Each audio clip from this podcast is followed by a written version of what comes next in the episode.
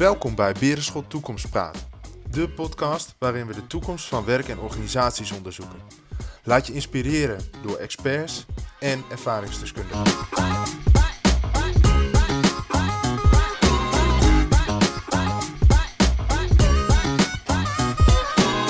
Nederland staat voor complexe maatschappelijke vraagstukken. Denk aan het milieu en de zorg. De huidige dominante organisatievormen, waarin met name het efficiëntiedenken en hyperspecialisatie centraal staan, helpen niet om daar een oplossing voor te vinden. Daar zijn nieuwe organisatievormen voor nodig, waarin andere waarden centraal staan. De community zou zo'n organisatievorm kunnen zijn.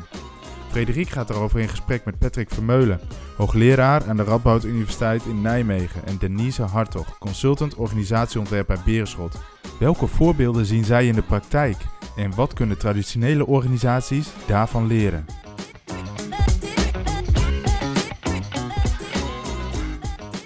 Welkom bij een nieuwe aflevering van Berenschot podcast Toekomstpraat. Mijn naam is eh, Frederik Spannenburg en ik ben hier te gast in Nijmegen bij de universiteit. En rechts van mij zit een hoogleraar. En die gaat zichzelf zo introduceren. En links van mij zit een collega. Die gaat zich ook zo zelf eh, introduceren. En wij zitten hier in een. eh, nou, het is geen collegezaal, denk ik. Het is een vergaderzaal. Maar ik voel toch wel weer een beetje die, eh, die studentenvibe eh, eh, opkomen. Spannend, hè? Ja, best spannend. En zeker met de hoogleraar eh, naast me. Ehm, en eh, we zitten hier ook vlakbij het ziekenhuis. Dus af en toe kan er een sirene langskomen, begreep ik net. Maar eh, Patrick, ehm, we gaan het hebben hier in deze aflevering over nieuwe organisatievormen. En volgens mij is dat ook jouw specialisme. Zou je iets kunnen vertellen over jezelf en eh, wat jij doet? Dankjewel. Ja, ik ben Patrick Vermeulen. Ik ben hoogleraar organisatieontwikkeling en nieuwe organisatievormen aan de Radboud Universiteit. Eh, en daarnaast wetenschappelijk directeur van de Radboud Management Academy. eh, het Centrum voor Postinitieel Onderwijs van onze universiteit. Ehm, en het klopt, ik ben sinds een paar jaar bezig met het nadenken over allerlei nieuwe organisatievormen. Ehm, waarom we die nodig hebben en, en wat dat dan zouden kunnen zijn. Dus daar gaan we het ongetwijfeld over hebben zo. Mooi, ja, leuk. En die, waarmee je dus ook toekomstbestendiger wordt. Want dit heet natuurlijk Toekomstpraat, deze podcastserie. Maar daar gaat het om, denk ja, ik zeker, ook. Hè? zeker. Ja. ja. Leuk. En Denise, jij zit aan mijn eh, linkerkant. Zou jij jezelf kort willen introduceren? Jazeker, Frederik. Eh, mijn naam is Denise Hartog. Ik werk nu drie jaar voor Berenschot als consultant inrichten van organisaties. Eh, wat wel leuk is om te vertellen, is dat ik gestudeerd heb aan de Radboud Universiteit in Nijmegen. Heb een bedrijfskundige achtergrond en ik heb hier een master gedaan in Organizational Design and Development. Eh, en dat is eh, de master waar Patrick ook bij betrokken is. Dus vandaar ook dat, eh, dat we zo met elkaar, nou ja, elkaar hier ontmoeten. En vanaf mijn studietijd ben ik eigenlijk al geïntri- geïntrigeerd door organisaties. En voornamelijk, hoe maak je ze nou toekomstbestendig? Dus dit is iets wat ik binnen mijn werk ook graag toepas. Leuk, nou ik zit me te verheugen, want ehm, normaal gesproken zitten we natuurlijk vaak met een klant van ons, mensen uit de praktijk, uit het bedrijfsleven. En ik ben heel benieuwd ook wel naar een wat meer theoretische kijk en, en, en de toets met de praktijk, Denise, die jij dan weer kunt maken. Want jij komt natuurlijk heel veel bij verschillende klanten die worstelen met dit soort vraagstukken. Maar om eens te beginnen, nieuwe organisatievormen. Patrick, mag ik jou eens vragen, waarom is dat dan überhaupt nodig? Kun je ons daarin meenemen? Het gaat toch eigenlijk prima? Heel veel bedrijven zijn succesvol. Economie draait op volle toeren. Waarom hebben we eigenlijk nieuwe organisatievormen nodig? Ja, dat is een goede vraag. Ehm, ik, ik denk dat we die heel erg nodig hebben. Ehm, het gaat prima, is maar hoe je dat bekijkt en vanuit wiens perspectief je dat bekijkt. Ik denk dat we een aantal enorm grote problemen in onze samenleving eh, op dit moment hebben. Eh, die zien we in de zorg, die zien we eh, in, in het milieu. Ehm, en het probleem is niet zozeer dat we die problemen hebben. Het probleem is dat we ze heel moeilijk kunnen oplossen. En een van de eh, oorzaken van waarom we het niet kunnen oplossen, is dat we onszelf heel erg hebben gespecialiseerd in allerlei dingen. En dat betekent eh, eigenlijk dat je dus bedrijven en allerlei organisaties ziet die met een heel klein stukje van dat probleem bezig zijn. En het oplossen van een probleem waar wij op dit moment mee te maken hebben, dat kan niet meer door individuele organisaties gebeuren. Dus daar hebben we andere constructies voor nodig. Dus zeg je daarmee van de problemen zijn eigenlijk zo complex geworden dat die uberspecialisatie, die gaat ons niet meer brengen naar de oplossing die we nodig hebben. Ja, precies. Ik denk dat wij een grote eh, mate van structurele fragmentatie hebben in onze Ja, samenleving ook. Dus we hebben alles mooi opgeknipt eigenlijk. Eh, maar het overzicht eh, over dat hele proces dat zo complex is geworden, ja, dat vraagt echt om het doorbreken van grenzen en dat gaat individuele organisaties ver te boven. En als het dan individuele organisaties niet lukt, hoe komen we dan door die cirkel heen, zeg maar? Hoe zorg je er dan voor dat, dat, dat we dat met elkaar gaan doen? Of moet dat vanuit de overheid uh, opgelegd worden? Of waar, waar ligt het antwoord dan?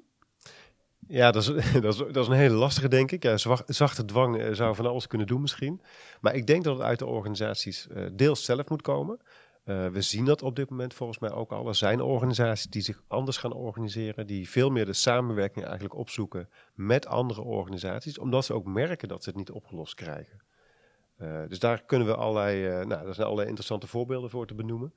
Um, ja, daar komen we zo ongetwijfeld nog op terug. Zeker. Misschien dat Denise, Denise want jij uh, dit is ook jouw uh, vakgebied hè? en hier, uh, hier ben je ontzettend in geïnteresseerd. Dat klopt. En, en als je nou in jouw praktijk kijkt en bij klanten waar je komt, zie je dit vraagstuk en zie je klanten die daarmee bezig zijn? En heb je daar voorbeelden van? Ja, dat zie ik inderdaad. Wat ik voornamelijk zie, en dat is denk ik een trend die al enkele jaren gaande is, is dat organisaties heel graag heel wendbaar willen worden. Wat dat dan is, nou ja, dat is een tweede, daar kunnen we het straks over gaan hebben. En dan denk ik meteen aan agile, want dat is vaak het antwoord dan, of niet? Ja, dus dat, dat is een term die daarvoor gebruikt wordt. Uh, maar in de basis gaat het erom dat er vraagstukken spelen, dat er ontwikkelingen zijn uh, waar inderdaad organisaties geen antwoord op hebben. En de wereld die gaat zo snel dat het niet te voorspellen is wat de dag van morgen brengt. Dus uh, het gedachtegoed om, om agile of wendbaar te worden. Dat komt eigenlijk voort uit het feit dat organisaties erkennen dat ze nu geen oplossingen hebben, hebben voor wat de dag van morgen brengt. Oké, dus jij zegt eigenlijk, of ik hoor eigenlijk een combinatie, want Patrick, jij zegt van het gaat erom dat we zo super specialisten zijn geworden dat we die complexe problemen in ons eentje niet meer aankunnen. En jij zegt tegelijkertijd zien organisaties ook allerlei ontwikkelingen, veranderingen zo snel komen dat ze ook daar wendbaar en um, ja, nieuwe antwoorden op moeten gaan vinden. En dat zijn, zijn dat dan de twee dingen waarvan je zegt van dat vraagt dus om nieuwe organisatievormen? Ja, ik denk, ik denk het wel. Onder andere zou ik zeggen. Uh, ik denk ook dat er misschien nog wel iets aan moet worden toegevoegd, omdat we volgens mij er steeds meer van overtuigd raken dat de dingen ook echt fundamenteel anders moeten. Uh, dus het idee van uh, financiële waarde, dat is volgens mij langzaam uh, wat achterhaald aan het worden. En ik zie steeds meer organisaties die zich dat ook realiseren. Die kijken ook veel meer naar de maatschappelijke waarde, naar medewerkerswaarde. Uh, en ik denk dat dat eigenlijk onomkeerbaar is. Maar het vraagt fundamenteel iets anders van organisaties dan wat ze altijd gedaan hebben. En daar zit volgens mij uh, nog een heel groot, of een heel heikel punt eigenlijk. En is dat dan meer revolutie dan evolutie? Is er echt iets radicaals nodig? Uh, ja, maar ik denk wel dat het pad er naartoe kan evolutionair zijn. Ja. Uh, maar de uitkomst is wel radicaal anders dan wat we nu hebben. Ja. Ik denk dat dat wel zo is. Ja. ja. En, en um, nou, ik vraag aan jullie allebei, dus kijk maar even wie denkt van, nou, daar ga ik iets over zeggen. Maar wat zijn dan nieuwe organisatievormen waar ik aan moet gaan denken? Ik spreek eerder over ontwerpkeuzes die ik zie, uh, die, organisaties, die organisaties maken. En wat ik bijvoorbeeld zie, is dat er minder functioneel wordt ingericht.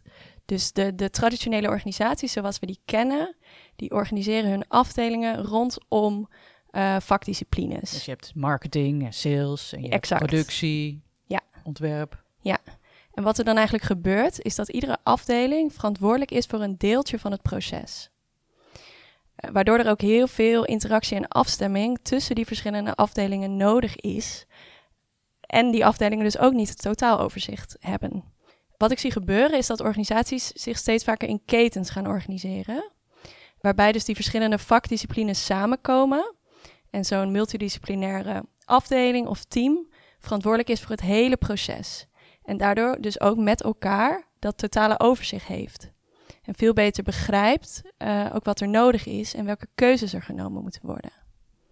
Dit is een van de ontwerp, ontwerpkeuzes die ik, uh, die ik veel zie nu bij opdrachtgevers uh, zie gebeuren. Dat ze die, die keuze nemen. Okay. Ja, en, en als ik dat maar aanvullen. Ik denk inderdaad dat hetzelfde principe geldt ook op een hoger abstractieniveau. Dus voor allerlei samenwerkingsverbanden tussen organisaties. En Denise heeft het nu vooral over wat er binnen een organisatie speelt. Ik denk dat de complexe vraagstukken waar we het eerder over hadden, vooral vragen om allerlei samenwerkingsvormen. Uh, en die samenwerkingsvormen, die zijn ook fundamenteel anders volgens mij dan wat we tot nu toe hebben. Dus we hebben natuurlijk allerlei manieren van samenwerking bedacht. Uh, er zijn netwerken. Nou, netwerken die zijn vaak juridisch aan elkaar verbonden. Daar zie je gewoon dat mensen uh, contractuele relaties aangaan voor langere termijn. En dat is dan vrij exclusief. En ik denk ook dat dat de complexe problemen niet gaat oplossen. Dus ja, de, wat voor mij een, een uh, organisatievorm van de toekomst is, en gelukkig is die, is die er ook al eigenlijk, mm -hmm. is de community als organisatievorm. En ik denk dat daar heel veel mogelijkheden voor liggen. Uh, dat als organisaties zich met anderen als een community, dus een gemeenschap eigenlijk, gaan organiseren. Dat is niet eenvoudig, maar volgens mij wel heel erg nodig. Dus als ik jou meeneem en ik vraag jou te dromen, hè, want dit is ook toekomstpraat, over ja. 100 jaar bestaat ja. dan deze. Uh, wat is dan de ultieme vorm waarin jij zou zeggen van nou, ik hoop dat we dan hier naartoe zijn geëvolueerd? Ja, uh, over 100 jaar, dat is wel, dat is wel heel erg ver weg. Um, nou, als, als de vraag is van hebben we dan nog organisaties zoals we die nu hebben, dan ben ik geneigd om te zeggen nee. Die hebben we dan niet meer. Die hebben we ook niet meer nodig volgens mij. Uh, we hebben wel andere vormen nodig om met elkaar dingen te doen. Hè? Dus wat je ook uh, gaat bedenken, wij leven in een samenleving die erop gericht is om allerlei dingen te doen. Dus als wat voor vraagstukken we ook moeten oplossen, dat gaat om klimaat, dat kan om zorg gaan. We moeten allerlei activiteiten uitvoeren. En dat, dat zal niet veranderen. Dus we moeten met elkaar een manier zien te vinden om die activiteiten uit te voeren. Alleen zolang we dat doen binnen de grenzen van individuele organisaties, met winstdoelstellingen en dat soort dingen, wordt dat wel heel ingewikkeld volgens mij. Dus het idee van die gemeenschap, volgens mij komt dat steeds centraler weer te staan. En um, nou, dat, we, we, zijn natuurlijk ooit ook zo begonnen. Hè? Als je uh, eigenlijk terug gaat kijken, 70.000 jaar geleden. Toen leefden we alleen maar in gemeenschappen. Ja. Um, en, en, langzaam zijn we daarvan afgekomen. Dus we zijn zich, ons gaan nou, settelen op allerlei plekken. En dan, nou, op een gegeven moment wil je dan dat, dat stukje land wat je dan hebt, daar wil je een hek omheen hebben, want het is wel van jou. Dus dan zie je langzaam de opkomst van het fenomeen staat. En uh, nou, we zien allerlei, wat ik dan noem, sociale orders eigenlijk ontstaan. Hè? De markt en religie en professies. En vrij laat eigenlijk pas wat we noemen de corporation, dus het bedrijf als het ware. En dat is eigenlijk een hele bedrijfsmatige manier van met elkaar omgaan. Uh, dat gaat over controle en dat gaat over hiërarchie. En ik denk dat dat niet meer kan als we nadenken over al die complexe vraagstukken. En gemeenschap in die zin vraagt dus om iets heel anders. En vraagt om nadenken over welke fundamentele waarden willen wij met elkaar nou proberen te realiseren. En dat vraagt dus volgens mij ook een hele andere instelling van de organisaties. Ja, en, en Denise, jij zit uh, uh, bij klanten. Krijg je wel eens vragen naar van uh, we, moeten, we moeten meer naar zo'n andere samenwerkingsvorm toe? Zijn er organisaties die er echt al mee bezig zijn? Ja, zeker. Ja, ik denk, of in ieder geval wat ik zie, is dat organisaties steeds meer bezig zijn met samenwerken met anderen. Dat kan gaan bijvoorbeeld om klanten. Wat ik bijvoorbeeld zie, is dat organisaties steeds meer erkennen dat zij zelf de oplossingen niet in huis hebben. Dus wat, wat ik zie is dat veel meer dat outside-in denken, dat dat steeds belangrijker wordt. Dus dat ze actief met hun klanten gaan participeren uh, om tot mooie oplossingen te komen. Wat ik zelf een spannendere vind, is het, is het gedachtegoed van communities. Mijn achtergrond is vooral in de private sector. Mm -hmm. uh, dus ik zit minder in de publieke hoek. En daarbij, ik zie netwerken ontstaan van organisaties die samenwerken uh, en inderdaad contractafspraken maken. Wat ik nog niet zie gebeuren. En ook heel benieuwd ben of, of jij dat voorziet, Patrick. Dat is dat organisaties echt op basis van waarde, uh, op basis van zingeving, met een ondergeschikt individueel belang met elkaar gaan samenwerken. In de private hoek zien wij dat momenteel nog niet gebeuren. Ja, ik denk, ik, denk dat ik dat met je eens ben. Ik zie het ook nog niet zo heel erg gebeuren. Uh, misschien wel een beetje. In de, publieke sector zie je het sowieso. Hè. Daar zien we het redelijk veel al terugkomen. Uh, er zijn zorginstellingen die al heel erg ver daarmee uh, zijn. Zorginstelling Philadelphia is, is, een heel mooi voorbeeld volgens mij van een zorginstelling die samen met gemeenten en woningbouwcorporaties samen eigenlijk werken aan het vergroten van de leefbaarheid van wijken. En dat doen met hun nou, cliënten. Dat zijn in dit geval mensen met een verstandelijke beperking. Die proberen ze in die wijk op te nemen. Maar ze proberen daar ook de woningbouwcorporatie mee te nemen. Want die woningen die moeten andere eisen eigenlijk, uh, moeten aan andere eisen voldoen. Dus daar zie je eigenlijk al dat er nou, dit soort initiatieven gaan ontstaan. Um, ik, ik vind zelf een heel mooi voorbeeld. Er is nog geen uh, privaat voorbeeld in die zin, maar van een ziekenhuis. Um, het Bernhoven ziekenhuis in, staat in Uden. Um, toevallig woon ik daar. Wereldberoemd sinds de ja, corona-crisis. uh, maar een aantal jaar geleden was dat ook al wereldberoemd. Uh, en toen ging het eigenlijk om het idee dat de toenmalige directeur had. die gaf eigenlijk aan van ja, wij moeten eigenlijk een hele andere rol gaan spelen. En wat wij eigenlijk moeten als ziekenhuis is ervoor zorgen dat mensen niet meer bij ons binnenkomen. Dus dat gaat over preventie. Maar dat betekent ook dat je een andere rol gaat spelen in de gemeenschap. Dus wat de toenmalige directeur eigenlijk voor ogen had ook, was van ja, wij willen eigenlijk een andere rol spelen. Dus wij willen veel meer met mensen bezig zijn om over hun leefstijl na te denken. Nou, dat zorgt ervoor dat de omzet van het ziekenhuis omlaag gaat. Dus in die zin uh, was hij uh, wel redelijk vooruitstrevend, denk ik, met aangeven. Nou, wij, ik vind eigenlijk dat wij minder omzet moeten realiseren. Uh, omdat we dan mensen dus op een andere manier proberen buiten te houden. Het is een beetje de kalkoen die over het kerstdiner moet nadenken. Ja, een beetje wel. Ja. Een beetje wel. Ja. Kijk, als ik kijk naar de private sector, ik, ik, initiatief dat heet Cirkelstad. Dat gaat over circulaire economie, circulair bouwen. Daar zitten allemaal private partijen, uh, zijn daarbij aangesloten. Die proberen met elkaar de hele kringloop eigenlijk van materialen te sluiten, als het ware. Uh, daar worden ook mensen uit de, de stad, waar zij bijvoorbeeld dan zitten, worden daarbij betrokken. Dus ook daar zie je wel iets ontstaan. Ik denk nog wel dat het een stap te ver is om nu van, van private actoren te vragen dat zij zich compleet niet meer nadenken over een financiële boekhouding. Dat is ook volgens mij niet wat de bedoeling is. Ja, en ik, ik hoor je ook zeggen dat die samenwerkingsverbanden, dat is nog wel steeds tussen zeg maar de klassieke organisaties. Hè? Dus die blijven klassiek georganiseerd aan de achterkant en gaan dan samenwerken in een wat meer hybride, organische vorm. Is dat wat ik me daarbij moet voorstellen? Nou, eigenlijk, ik zou zeggen nee. Uh, dat is oh. stap 1. uh, eh, stap 1 is inderdaad uh, dat je ziet dat er vertegenwoordigers uit die organisaties met elkaar inderdaad in een soort tijdelijk projectteam of misschien zo'n multidisciplinair team waar eh, Denise net ook over had binnen de organisatie. Dat lijkt er eigenlijk een beetje op. Ja. De vraag is wel, um, wat voor problemen ga je die mensen geven als zij zich continu moeten verantwoorden naar hun moederorganisatie? Mhm. En volgens mij zijn die problemen vrij uh, aanzienlijk en zou je dat misschien niet moeten willen. Dus je zou misschien naar een model moeten gaan waarin die organisaties zeggen van nou, uh, gaan jullie maar inderdaad als groep dit doen. Maar ga het dan ook maar gewoon doen. En dan ben je een aparte organisatie. Dus, dus hoeven geen rapportage meer van je te zien. Ik zou zeggen, maak daar, een, nee, maak daar een zelfstandige eenheid van. Ja. Die uh, zelf verantwoordelijk is voor het, het uitvoeren van alles wat daar moet gebeuren. En daar is ook wel een interessant voorbeeld van uh, te vinden. Dat is ook wel weer in, in de zorghoek. Uh, dat is in Os, dat is een wijk die heet Ruwaard.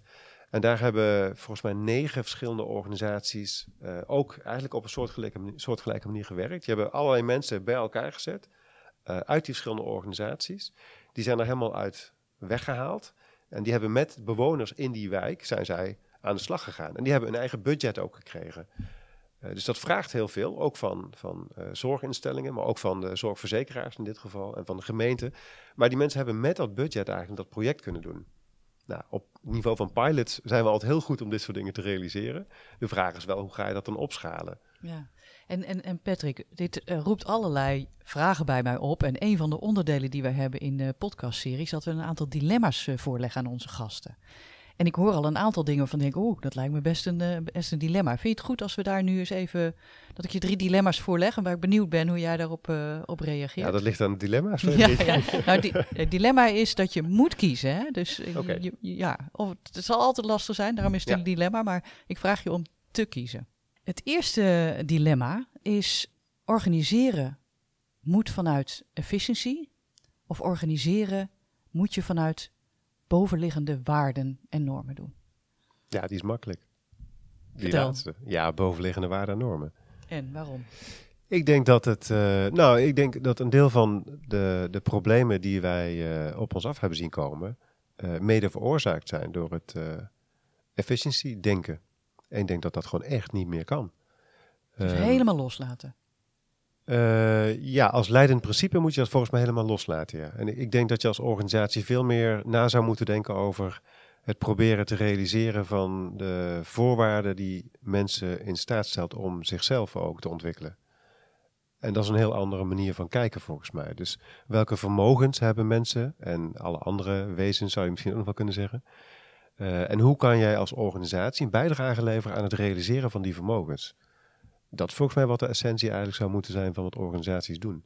En hoe zorg je dat je daarmee nog wel blijft bestaan. Hè? Dus eh, financieel gezond blijft, zal ik maar even zeggen in oude Ja. termen. Nou ja, kijk, je hebt natuurlijk ook een verantwoordelijkheid naar de mensen die voor jou werken. Dus je zult ook financieel gezond moeten blijven.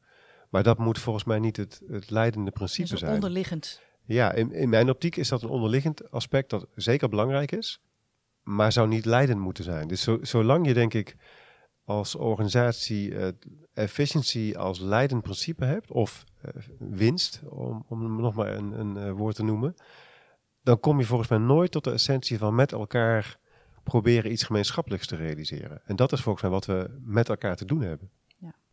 Dankjewel. Volgende stelling. Ja. Dit concept, die nieuwe organisatievormen, zijn eigenlijk eh, ja, leuk en aardig. En elke keer komt er weer iets anders naar boven. Hè? En we hebben Agile, Holacracy en eh, nou weet ik veel, Semco-model. En nu kom jij weer met iets anders. Eh, maar in de facto over 100 jaar, dan hebben we eigenlijk nog steeds hetzelfde. Je moet kiezen. Wat denk je? Of dat zo is of niet. Ja, Eh, nee, ik denk het niet. Nee, ik denk dat we echt een slag aan het maken zijn. En dat we, eh, we kennen natuurlijk allemaal dat idee van die tipping point. En in mijn beleving zijn we daar wel naartoe aan het werken. En we zijn er zeker nog niet. Maar ik zie echt wel eh, grote verschuivingen. En, en die zitten, en dat is wel denk ik terecht ook wel, wel wat Denise al eerder aangaf, nog wat minder in de private sector. Daar zien we ook wel wat eh, ontwikkelingen. En je ziet ook wel mensen die daar echt wel eh, serieus mee bezig zijn en over nadenken. Maar ik denk dat, eh, zeker als je het over 100 jaar hebt, dan is het echt niet houdbaar. Dus we, we kunnen volgens mij niet op deze manier door. dus ik het denk dat verdwijnt compleet. De Ja, manier waarop het nu dat, als ik moet kiezen, dan zou ik zeggen ja. Ja. Hey, en Denise, wat zou er nodig zijn om zo'n tipping point in de private sector te bereiken? Oeh, dat is een hele goede vraag. Wat ik zie om mij heen, ik ben natuurlijk nog redelijk jong, ehm, behoor tot een nieuwe generatie. En wat ik wel zie is dat, dat, dat mijn generatie, de nieuwste of de nieuwere generaties op de werkvloer, dat die waarde en zingeving wel veel belangrijker vinden dan de generaties hierboven. Ik zie hier twee andere mensen ook echt knikken. Die Ja. zijn ook wat jonger namelijk. Ja, dus, dus Dank ik, je, Frederik. Ja, ik wilde jou ook. Dus ik denk eh, dat die maatschappelijke verschuiving eh, gaat bijdragen aan het tipping point. Ehm, als ik om me heen kijk naar, naar vrienden, eh, collega's, iedereen wil wat doen wat echt waarde toevoegt. Er wordt steeds vaker gesproken over zinloze banen. En je wilt toch geen baan? Je wilt toch geen zinloze baan? Ik bedoel, waar, waar doe je het voor? Dus ik denk dat dat kan bijdragen. De vraag is, is dat genoeg? En is het, is het realistisch en haalbaar? Eh, en dat is iets, ja, daar heb ik, het, heb ik het antwoord niet op. Ja, want we hebben het eigenlijk over system change. Hè? Dat het, en en dat is, daar, heeft, daar is massa voor nodig, voor tipping point. Ja, Zeker, zeker. Nee, en ik, ik sluit wel aan bij wat je zegt, Denise. Want ik denk die, dat, dat stuk zingeving, ik denk dat dat meer dan ooit inderdaad iets wat je op dit moment ziet. Hè. Mensen hebben altijd behoefte aan, aan autonomie eh, en behoefte aan verbinding. Ja. Eh, maar die zingeving die is volgens mij nu meer dan ooit eh, naar boven aan het komen. En ik denk ook omdat iedereen ziet gewoon continu de problemen die wij hebben met z'n allen. En nou goed, ook de huidige situatie met, met COVID is natuurlijk eh, behoorlijk in your face geweest voor heel veel mensen. Dus we zien gewoon dat eh, allerlei systemen, die staan gewoon onder hoogspanning. Ja. En dat vraagt om hele, eh, ja, toch wel eh, radicale, Radicale antwoorden. Ja. Op de barricade. Mooi. Derde dilemma. Ja. Ehm, deze nieuwe organisatievormen zijn het allerlastigste voor leidinggevenden versus vragen het allermeest juist van medewerkers. Dat is een moeilijke zeg.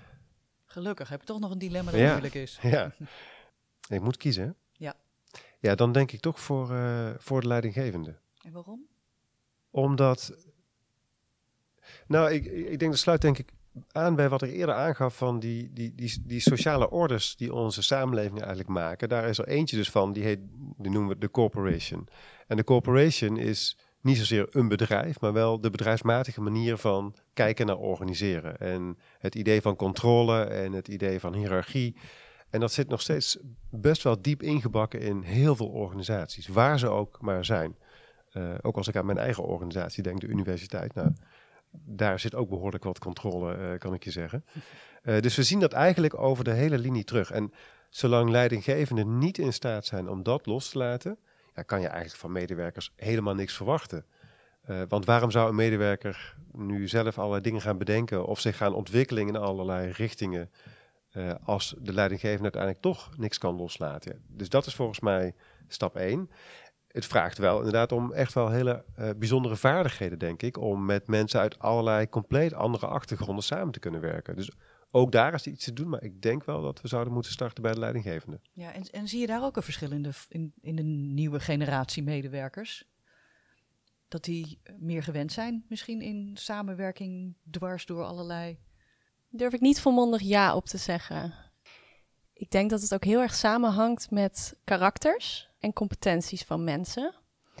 Want ik bedoel, als we, als we kijken naar, naar de studentenverenigingen, dan zijn dat nog hele hiërarchische uh, organisaties. Ja, en ze zijn nog steeds populair, dus kennelijk uh, exact, het aan. Ja. Exact. Uh, maar ik ken ook veel mensen die daar niet voor kiezen en die, die willen liever in een, in een, ja, in een andere omgeving zich ontwikkelen. hetzelfde zie ik, zie ik bij organisaties. En, en andere vraag, hè, want die stellingen hebben we nu besproken. Maar als jij nou een organisatie komt hier bij jullie aan tafel, jullie zitten samen en jullie moeten die organisatie, die organisatie wil echt op een andere manier zichzelf gaan organiseren, veel meer communities. Hoe, hoe, zou je die organisatie advies geven? Wat moeten ze dan gaan doen? Wat is het pad waar uh, dat ze moeten gaan lopen? Kun je iets over zeggen?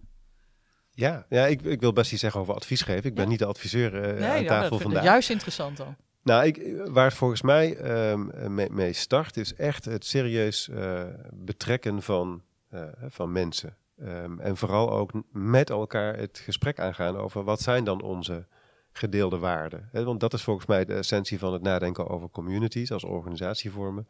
Is dat je nadenkt over welke gedeelde waarden willen wij nou eigenlijk met elkaar proberen te dienen. Uh, en als je dat gesprek serieus aangaat, dan kan je volgens mij daar heel, uh, heel veel bereiken. Maar dat kan dus alleen maar als je dat ook echt serieus doet. Ja, en, en is het dan van belang dat daar wie moet er daarbij zijn vanuit het bedrijf? Ja, ik geloof heel erg in een inclusieve uh, strategie. Dus ik zou daar zoveel mogelijk mensen bij betrekken. En als ik nadenk uh, aan, aan allerlei uh, interventietechnieken die zich large group interventions ja. noemen, ja. zeg maar. Dan, dan weten we gewoon ook uit, uit de historie dat daar ontzettend veel mee bereikt kan worden.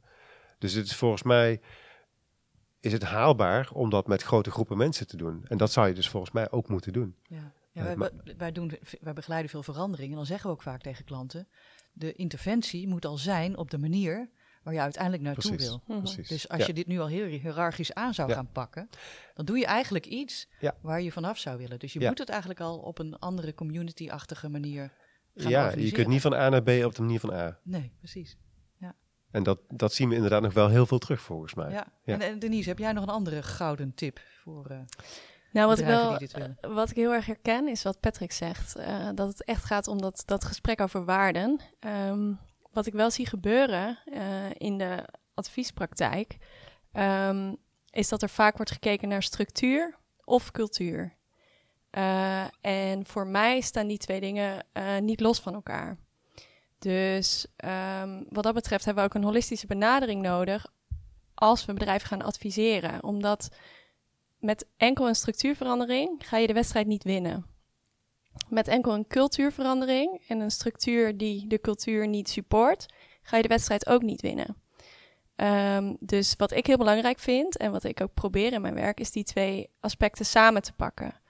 Um, en dan is het inderdaad heel belangrijk om in je adviestraject uh, al de verandering te bewerkstelligen. Wij zeggen altijd wel uh, de leus ontwerpen en veranderen gaat hand in hand. Dus op het moment dat je een organisatie binnenstapt, uh, begint de verandering.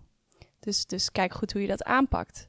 Dus wat dat betreft uh, kan ik me helemaal vinden, vinden in het antwoord, uh, antwoord van Patrick.